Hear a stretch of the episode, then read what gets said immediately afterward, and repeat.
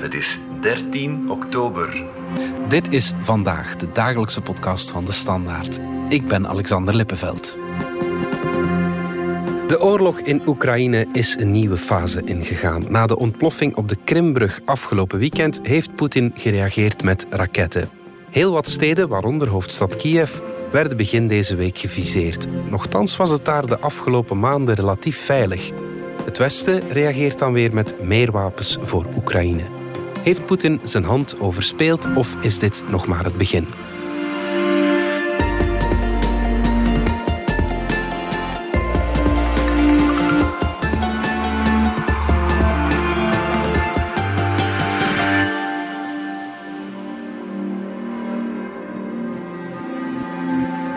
Dominic Minten van onze buitenlandredactie. Ik zei het in de intro, het is een nieuwe fase van de oorlog. Het is niet de eerste keer dat we dat zeggen.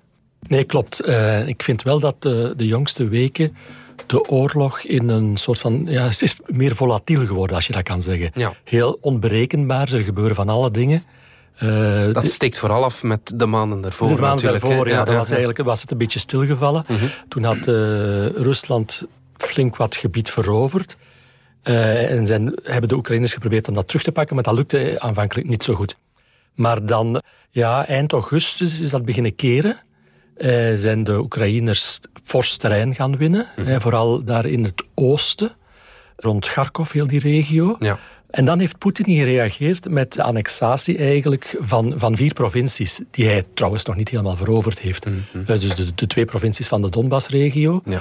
En dan Gerson en Zaporizhzhia. Ja. En dus ja, dus op dat vlak gebeurden er van alle dingen tegelijkertijd eigenlijk. Ja, ja, ja, Er was afgelopen weekend die aanval op die Krimbrug. Dat was toch een ja. schok voor uh, Rusland. Ja, absoluut. Waarom werd die geviseerd? Wel, de, de, de, die brug, het strategisch belang daarvan en ook het symbolisch belang, -hmm. mag je echt niet onderschatten. Poetin heeft die brug laten aanleggen. Hij heeft dat decreet getekend voor de bouw van die brug, onmiddellijk mm -hmm. na de annexatie van de Krim in 2014. Ja. Uh, hij wou dus eigenlijk een directe verbinding maken met het Russische vasteland. Ja, ja. Uh, en die brug moest dat realiseren. Uh, waardoor de aanvoer vanuit het Russische vasteland naar dat schiereiland veel makkelijker werd. Ja, ja, ja. En die brug, dat is ook een, wel een technologisch huzarenstukje. Het is een heel lange brug. Mm -hmm. Het is niet alleen een autobrug, maar ook een treinverbinding. Ah, ja, okay, dus er ja. rijden ook treinen op. Ik kan het een beetje vergelijken met, uh, mensen kennen die, die, brug waarschijnlijk beter, de, de brug tussen uh, Kopenhagen en Malmö. Dus ja. tussen Denemarken en... Van Borgen, hè? Van, ja, de, uh, van de, nee, nee, de, de, de, bridge. De bridge, ja, juist. Ja, ja, dus daar rijden ook zowel treinen als, als, als uh, auto's en vrachtverkeer over. Ja, ja, dus hij heeft dat gerealiseerd. Die brug is dan in 2018 opengegaan. Poetin is daarvoor speciaal zelf gekomen. Hij heeft in, is in een oranje vrachtwagen gekropen en heeft die brug dan ah, juist. ingereden. Ik herinner me die beelden. Ja, die beelden waren wel bekende beelden. Ja, ja, ja. En dus ja, men heeft altijd gezegd, als, als de Oekraïners daaraan raken, ja. dan raakt hij echt aan, aan, aan Rusland. Ja, ja, ja. En dus dan, dan gaat er iets gebeuren. Dan gaat er, iets, er wordt vaak gesproken over de rode lijnen die, die, ja. die Poetin heeft en die Rusland heeft. Van als je daaraan komt, dan gaat hij ongelooflijk hard terugslaan. De vrees is dan zelfs met een kleine tactische kernbom. Ja. Dus er werd altijd gezegd van die brug zou misschien ook wel een, zou wel eens een van die rode lijnen kunnen zijn. Ik, ik had ook wel dat vermoeden. Ik had ook, voelde dat ook wel zo aan. Um, nu, wat er is gebeurd, is die brug is dus beschadigd, zwaar mm. beschadigd. Ze is niet helemaal kapot. Nee, dus nee, misschien ja. is dat zo wat de, de, de, rode lijn die nog niet helemaal overschreden ja, is. Daarom dat er geen tactische ja, kernwapens... Ja, ja dat, is, dat is dan de redenering Dat is dan natuurlijk. de redenering die je kan maken. Maar wat wel duidelijk is, is dat hij ongelooflijk boos is geworden. En dat hij, ja, hij dus terug opnieuw willekeurig, een beetje blind is beginnen bombarderen in Oekraïne. Ja, letterlijk heel Oekraïne. Zelfs in Lviv, de volledige de westelijke stad. stad in het westen, die eigenlijk heel in het begin is hij ook gebombardeerd, ja. maar daar is hij snel mee gestopt. En dan uh, eigenlijk is hij sinds ja, eind maart is dat een redelijk rustige stad geworden, als je dat mag zeggen. Ja. Het luchtalarm ging daar uh, niet meer elke dag af. Mm -hmm. Dus en ja, ook die is terug onder vuur genomen. En Kiev natuurlijk ook ja, terug. Ja, ja, uh, ook Dnipro, dat is zo'n stad uh, die eigenlijk in redelijk, redelijk in het zuiden, centraal in het zuiden, maar richting meer naar de zuidkust op aan die ook beschouwd werd als een soort van veilig toevluchtsoord van, van uh, Oekraïners die uit het zuiden wilden vluchten voor de oorlog. Ja. Die konden daar terecht, maar ook daar zijn dus bommen gevallen. Ja. Dus het gaf wel aan dat hij eigenlijk opnieuw heel, heel Oekraïne... Hij wilde laten zien van, ik kan, als ik wil, raak ik jullie waar ik wil. Ja, dat is ja. de boodschap die hij heeft gegeven. Ja, ja, ja. Ik vind het wel een bizarre keuze, om eerlijk te zijn. Zou het niet slimmer zijn ergens om het, het leger aan het front te gaan, te gaan pijnen? Want daar heeft hij misschien dan wel een dubbele winst of absoluut, Ja, dus de, de, de militaire strategie van, van, van Rusland blijft, blijft bizar. Dus met die aanvallen, vooral, die vooral maandag zijn gebeurd, aan het front heeft dat niks opgeleverd. Hè? Dus uh, wat hij misschien militaire redeneringen die er, of logica die er zou kunnen achterzitten, is dat hij de Oekraïners opnieuw angst, meer angst aanjaagt. Ja. Dat hij uh, hen daardoor wil demoraliseren. Mm Waar ook al een militaire logica achter zit, is dat hij de elektriciteitsvoorzieningen bijvoorbeeld wil en de spoorvoorzieningen van, van Oekraïne wil, wil treffen. En die wil raken. Als hij die kan uitschakelen, dan ja, dan, dan wordt het natuurlijk moeilijker voor Oekraïne om door te vechten. maar ook daar slaagt hij niet in. De treinen rijden nog altijd in het grootste deel van Oekraïne. Het licht ging wel uit. Het licht ging wel even uit, maar dat wordt dan ook weer hersteld. dus, ja. dus op dat vlak blijft het een, een, een, bizar ding wat hij doet. Ja, en zijn er eigenlijk doden gevallen bij de Er zijn wel wat doden gevallen. Uh, gisteren was er sprake van 19 doden. Ja kan zeggen, dat is ook niet overdreven veel. Het zijn blijven vooral burgerslachtoffers natuurlijk. ja. Het is, ja, elke doden is te veel. Maar als je dat vergelijkt met de doden die aan het front vielen de, de voorbije maanden, daar was sprake van uh, dat er, uh, dat heeft Zelensky zelfs ooit zelf toegegeven, dat er uh, elke dag meer dan 100 Oekraïnse soldaten sneuvelden. Okay, ja, Dus op dat vlak ja, als je dat afzet tegen die 19, is dat, blijft die 19 niet zo, niet zo ja, veel. Ja, ja, maar het zijn natuurlijk burgers. Het zijn meer burgers natuurlijk. Hè? Is er nu meer ongerustheid in de, in de grote steden? Of, dat denk ik, ja, ja. Ja, ja, Er is wel meer ongerustheid. De mensen zitten toch meer in de schuilkelders, zitten toch in de metro's. Hè. De metro van Kiev is weer een... Zelfs Didier Reinders. die, zat in een, ja, moest naar een schuilkelder van zijn hotel, inderdaad. Dus er is wel, natuurlijk, er is wel wat onrust. Maar wat er vooral is, is, is woede. Woede bij die Oekraïnse bevolking. Ja. Dus uh, ze zijn heel, heel boos. Dus ze waren... wat hij nu gedaan heeft, heeft de woede die er al was alleen maar vergroot. Ja. En ook een vastberadenheid om, om, om door te vechten is. Ja, dat, daar slaagt Rusland niet in om, om die, die wil van, het, van het Oekraïnse volk te breken. Eigenlijk bereikt hij het tegendeel van hij wat hij het tegendeel. Ja. Dus die vastberadenheid wordt alleen maar groter. Ja. Dus ik zie...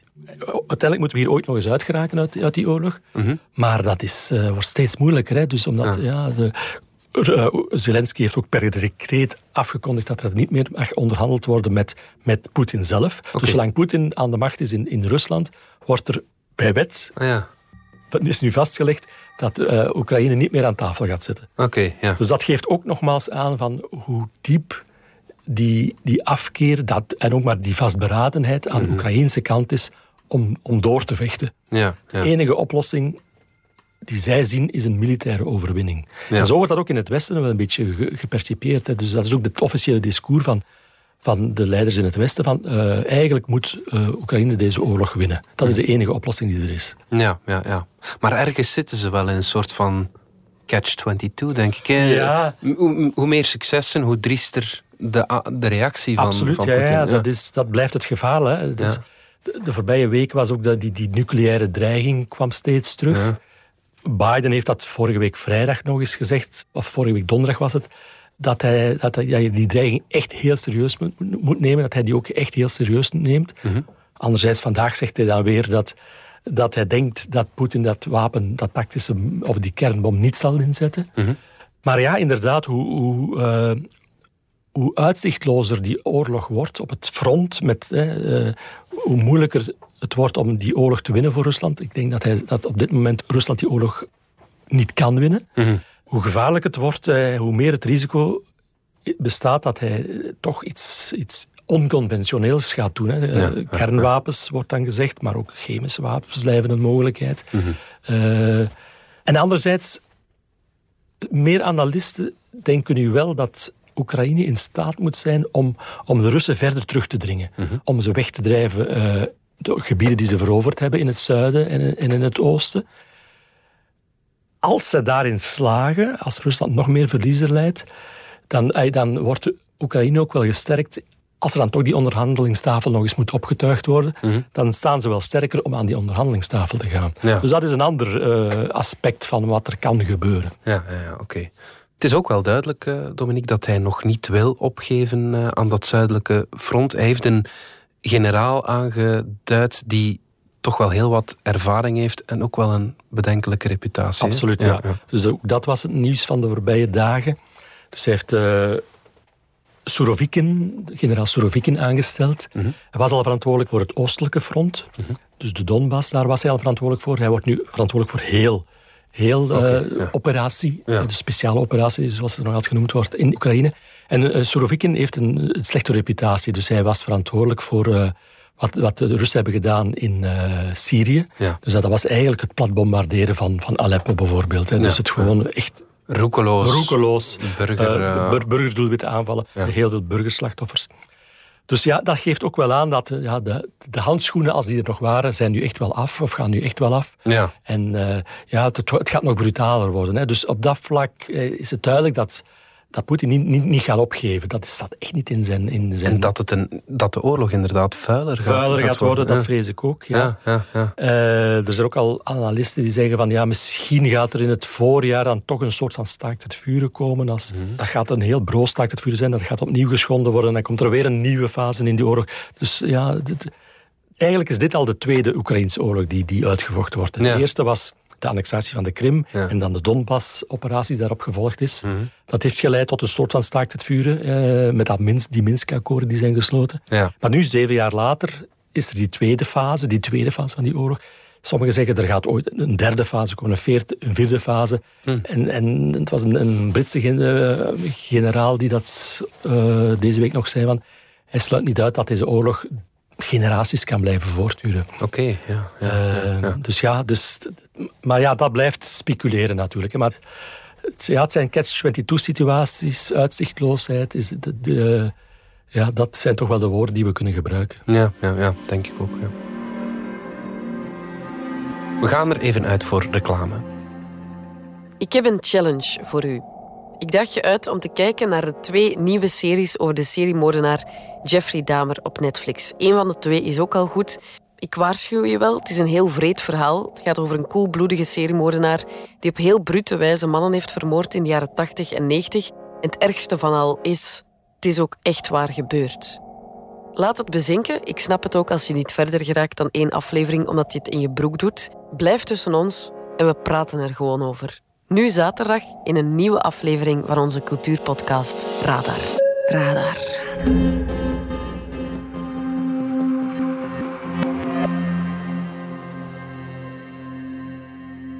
Dominique, terug naar eh, de oorlog dan. Nog een ontwikkeling. Poetin trekt uh, Wit-Rusland weer ietsje meer in het bad. Uh, ja, ook weer een vreemde, vreemde evolutie. Ja. dus dat was ook maandag dat de Wit-Russische president Lukashenko aankondigde dat hij een soort van gezamenlijk bataljon, strijdkracht, strijdmacht gaat vormen met, met de Russen. Ja. Uh, officiële verklaring daarvoor is dat hij vreest dat uh, Oekraïne hem Wit-Rusland gaat aanvallen en dat hij dus meer voorbereid moet zijn. Ja. Dat is totale onzin natuurlijk. Ja. Wat je wel voelt is, uh, Lukashenko zit, is bezig aan een heel moeilijke evenwichtsoefening. Mm. Het is duidelijk, dat heeft hij eigenlijk ook de voorbije maanden laten merken in bepaalde uitspraken. Eigenlijk wil hij niet dat zijn leger, dat zijn soldaten meegezogen worden mhm. in die oorlog. Die boot probeert hij af te houden. Maar tegelijkertijd is hij ook helemaal afhankelijk van Poetin. Dus die druk op hem wordt altijd opgevoerd. En dit is, ja, waarschijnlijk heeft Poetin toch gezegd, we moeten toch iets, iets een, uh, je moet iets doen. Je moet een signaal geven. Betekent dat nu die strijdmacht, die gezamenlijke strijdmacht, dat Rusland toch ook weer vanuit het noorden wil aanvallen? Dus vanuit Wit-Rusland, Oekraïne Dat zou je denken. Dat zou je dan denken. En gaan dan ook uh, Wit-Russische soldaten daarbij ingeschakeld worden? Ik denk nog altijd niet dat gaat, dat, dat gaat gebeuren. Hmm. Ook omdat Rusland zelf op dit moment gewoon niet genoeg troepen heeft om opnieuw een nieuw front te openen. en ze zitten al in het, in, het, in het defensief in dat oosten en in het zuiden. Dus ze hebben al die troepen nodig. En die Wit-Russen gaan daar niet het grote verschil maken. Nee, en die Wit-Russen gaan absoluut niet dat grote verschil maken. Die zijn veel minder goed getraind dan de Oekraïners. Ze zijn ook totaal niet gemotiveerd. Een aantal van die uh, Wit-Russische soldaten zijn al overgelopen naar, naar Oekraïne, hebben de kant van Oekraïne gekozen. Dus nee, dat is ook weer zoiets... Het klinkt dreigend, maar de effecten daarvan, denk ik, zijn minimale uh, voorlopig toch. Ja, ja, Het Westen reageert nu door uh, modernere wapensystemen naar Oekraïne te sturen. Wat krijgt uh, Zelensky juist? Ja, we, we, leren in deze oorlog altijd wel nieuwe letterwoorden kennen. Hè? dus een paar maanden geleden sprak plotseling iedereen over de, de HIMARS of de HIMARS, zwaar artilleriegeschut, de, die, die ook wel het, echt op het front wel het, het verschil maken op dit moment. De opmars die de Oekraïners hebben kunnen doen de laatste maanden, dat zwaar artilleriegeschut, maakt daar wel een verschil. Maar wat ze nu weer nodig hebben is, is luchtafweer. Ja. dus door, door die willekeurige bombardementen mhm. eh, roepen ze nu weer om beter en moderner luchtafweergeschut. En nu is er weer sprake van NASAMS. NASAMS, ja. dat is een nieuwe letterwoord. Ik heb het nog eens opgezocht. Het staat voor National Advanced Service to Air Missile Systems. Dus het zijn raketten die van op de grond de lucht worden ingeschoten en waarmee andere raketten kunnen uit de lucht gehaald worden. Ja. De Amerikanen zouden die leveren. Het Witte Huis en heel die omgeving rond het Witte Huis wordt beschermd door NASAM, door die, ah dit soort systemen. Dus dat, is dat wat zoals in, in Israël gebruikt wordt? Die, die beelden kennen we wel. De, Iron Dome van Israël. Dus eigenlijk, Israël zou heel zijn luchtruim wordt beschermd door dit soort systemen. Want ook die vragen ze bijvoorbeeld, eh, Oekraïne ook al laten weten dat ze die ook wel graag willen van Israël. En dus Biden heeft nu gezegd van ja, die leveringen die waren aangekondigd. We gaan die proberen zo snel mogelijk in eh, Oekraïne te krijgen. Ja. Ook Duitsland heeft, heeft deze week eh, systemen geleverd. Dus hij gaat, gaat, er leveren, maar heeft er ook al één effectief geleverd, volgens Der Spiegel toch? Mm er wordt, er wordt vaak gezegd, hoe lang gaat dat, dat westerse front, dat NAVO-front, die, die westerse bondgenoten, hoe lang gaan die verenigd blijven? Dat blijft een moeilijke oefening. Je ziet daar wel barstjes in. De Hongaarse premier Orbán blijft blijft wel... Warm en koud blazen, blazen tegelijkertijd. Ja, ja, ja. dus, Maar al bij al blijft dat front toch wel heel...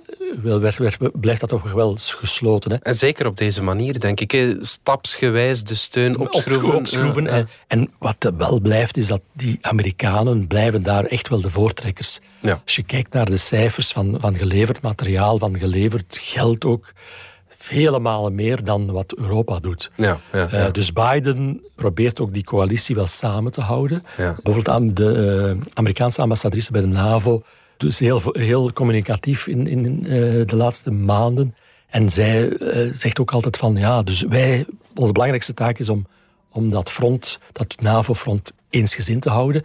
En om inderdaad heel goed te luisteren naar wat de Oekraïners willen de Oekraïnse commandanten, wat willen zij op het terrein? Ja. Wat hebben zij nodig? En dan daar zo snel als mogelijk op in te spelen. Ja, ja, ja. De, uh, maar dus, toch altijd een beetje minder dan wat ze echt willen. Ja, denk ik. dat natuurlijk, ja, inderdaad. Dus dat blijft ook een evenwichtsoefening die, de, die de NAVO moet behouden. Ja. Uh, ze moeten ervoor zorgen dat ze ook die rode lijnen die er ergens wel bestaan van, van Poetin, om die niet, niet te overschrijden. Hè. Dus daarom worden er nog altijd geen uh, gevechtsvliegtuigen geleverd, bijvoorbeeld. En gaat, gaat de NAVO niet patrouilleren boven het, het, het, het Oekraïnse luchtruim. Ja, dat is een actieve inmenging. Dat is een echt een actieve inmenging en dat, dat, dat willen ze echt niet doen. Dus die, die rode lijn behoudt ook de NAVO. Dus dat, dat, dat, doen ze niet. Ja. Maar je ziet wel dat in de loop van de maanden die, die, dat materieel dat ze geleverd hebben uh, allemaal zwaarder is geworden. En ja, en echt wel een cruciale rol speelt. En, een cruciale rol speelt. Hè. dus gisteren was er weer een, is er weer een bijeenkomst geweest van, uh,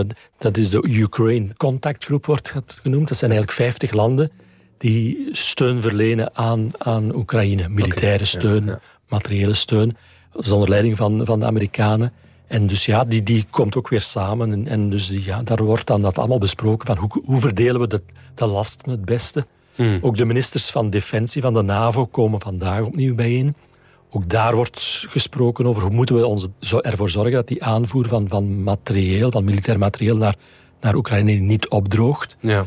Want ook, ook de, de, de, de militaire stoks van, van de NAVO-bondgenoten, die raken ook wel stilaan leeg. Die moeten ook aangevuld worden. Ook de industrie, de militaire industrie, krijgt heel veel vragen, maar kan ook die vragen niet volgen.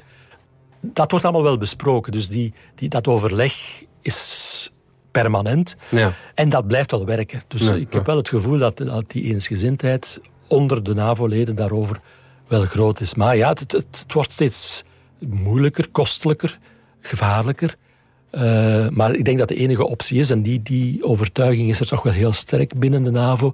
We mogen nu niet stoppen met Oekraïne te steunen. Ja, ja, als, dat, als we daarmee stoppen, dreigt de oorlog opnieuw in het voordeel van, van, van Rusland te kantelen. En dat moeten we tot elke prijs vermijden, want dan zijn we verder van huis dan, dan ooit. Ja, ja. Maar anderzijds wordt er ook wel gespeculeerd dat de raketten van Rusland stilaan op zijn en dat, ze ze vooral ook niet kunnen bijmaken. Maken, ook, ja. dat is zeker, denk ik, dat ze ze niet kunnen bijmaken. Uh, daar werken de sancties die ingesteld zijn tegen, tegen Rusland, die werken op dat vlak wel echt effectief. Technologie, chips, uh, allerlei hoogtechnologisch materiaal wordt, kan niet meer ingevoerd worden door Rusland. Hmm. Dus daardoor kunnen ze die, hun meest geavanceerde high-tech raketten niet meer bijbouwen, niet meer produceren. Ja. Je, je ziet ook, uh, verkopen nu drones aan uit Iran, die, ja. die zijn ook ingezet de voorbije dagen. Die, die berokkenen wel wat schade. Maar ze zijn ook bij uh, Noord-Korea gaan, uh, gaan aankloppen voor, voor raketten. Dan weet je het wel, dat het niet het meest gesofisticeerde high-tech materiaal is. In het Westen weten we niet precies hoeveel stok er nog is. Hè, hoeveel raketten, hoogtechnologische raketten ze echt in stok hadden. Mhm.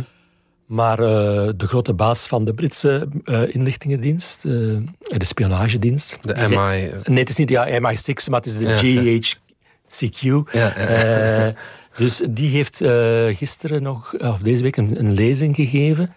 waarin hij dat, echt, dat wel, wel benadrukt. Dus hij was daar redelijk formeel in. Dat, ja, dat ze, zeker die high-tech raketten, dat ze daar een probleem mee hebben. Dat die niet oneindig in voorraad zijn en dat ze door een groot deel van die voorraad heen zitten. Ja.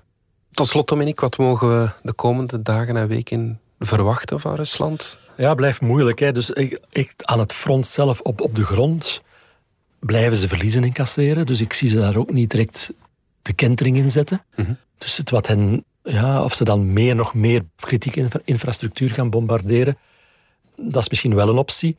Wat militairen al, al zich langer hebben afgevraagd is, waarom is Rusland er niet in geslaagd om dat Oekraïnse luchtruim ja. te helemaal te veroveren? Ja. Uh, in het begin van de oorlog hebben ze dat geprobeerd, dat is niet gelukt. Mhm. Gaan ze dan nu toch weer proberen om meer controle te krijgen op dat Oekraïnse luchtruim, voordat al die, die moderne luchtafweer aankomt. Want wat je ook ziet is dat er heel weinig echt gevechtsvliegtuigen worden ingezet door Rusland boven, om, om bommen te droppen boven, boven Oekraïne. Omdat ze ook weten dat dat, die, dat dat gemakkelijke doelwitten zijn. Er worden wel geregeld ook uh, MIG-vliegtuigen uit de lucht geschoten. Mhm. Maar gaan ze daar proberen nog een, een, stap verder in te gaan? Dat is iets waarover wordt gespeculeerd. Mhm. Maar voor de rest, ja, het is, het is de winter gaat er nu wel aankomen. Dat kan, wat, wat gaat dat brengen? Mhm voor het zuidelijke front, daar is dat misschien iets minder cruciaal, omdat daar een, toch een ander klimaat heerst dan in de Donbass, waar je echt die zware, echt zwaar kan vriezen. En, uh, dus ja, het is een beetje afwachten. Dus, uh, maar het is, ik zeg het, de, zoals we begonnen zijn met te zeggen, van de oorlog is, is volatiel geworden, onberekenbaarder terug. Mm. Wat er de komende weken gaat gebeuren, het, we weten het.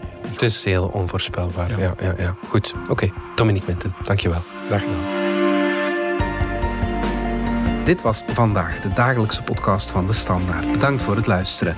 Volg ons op Spotify, Apple Podcast of eender welk ander podcastplatform. In onze gratis FDS podcast kan je niet alleen ons werk beluisteren, maar ook de beste podcasttips terugvinden met zorg geselecteerd door onze redacteur Max de Moor. Alle credits van de podcast die je net hoorde vind je op standaard.be-podcast. Reageren kan via podcast.standaard.be. Morgen zijn we opnieuw.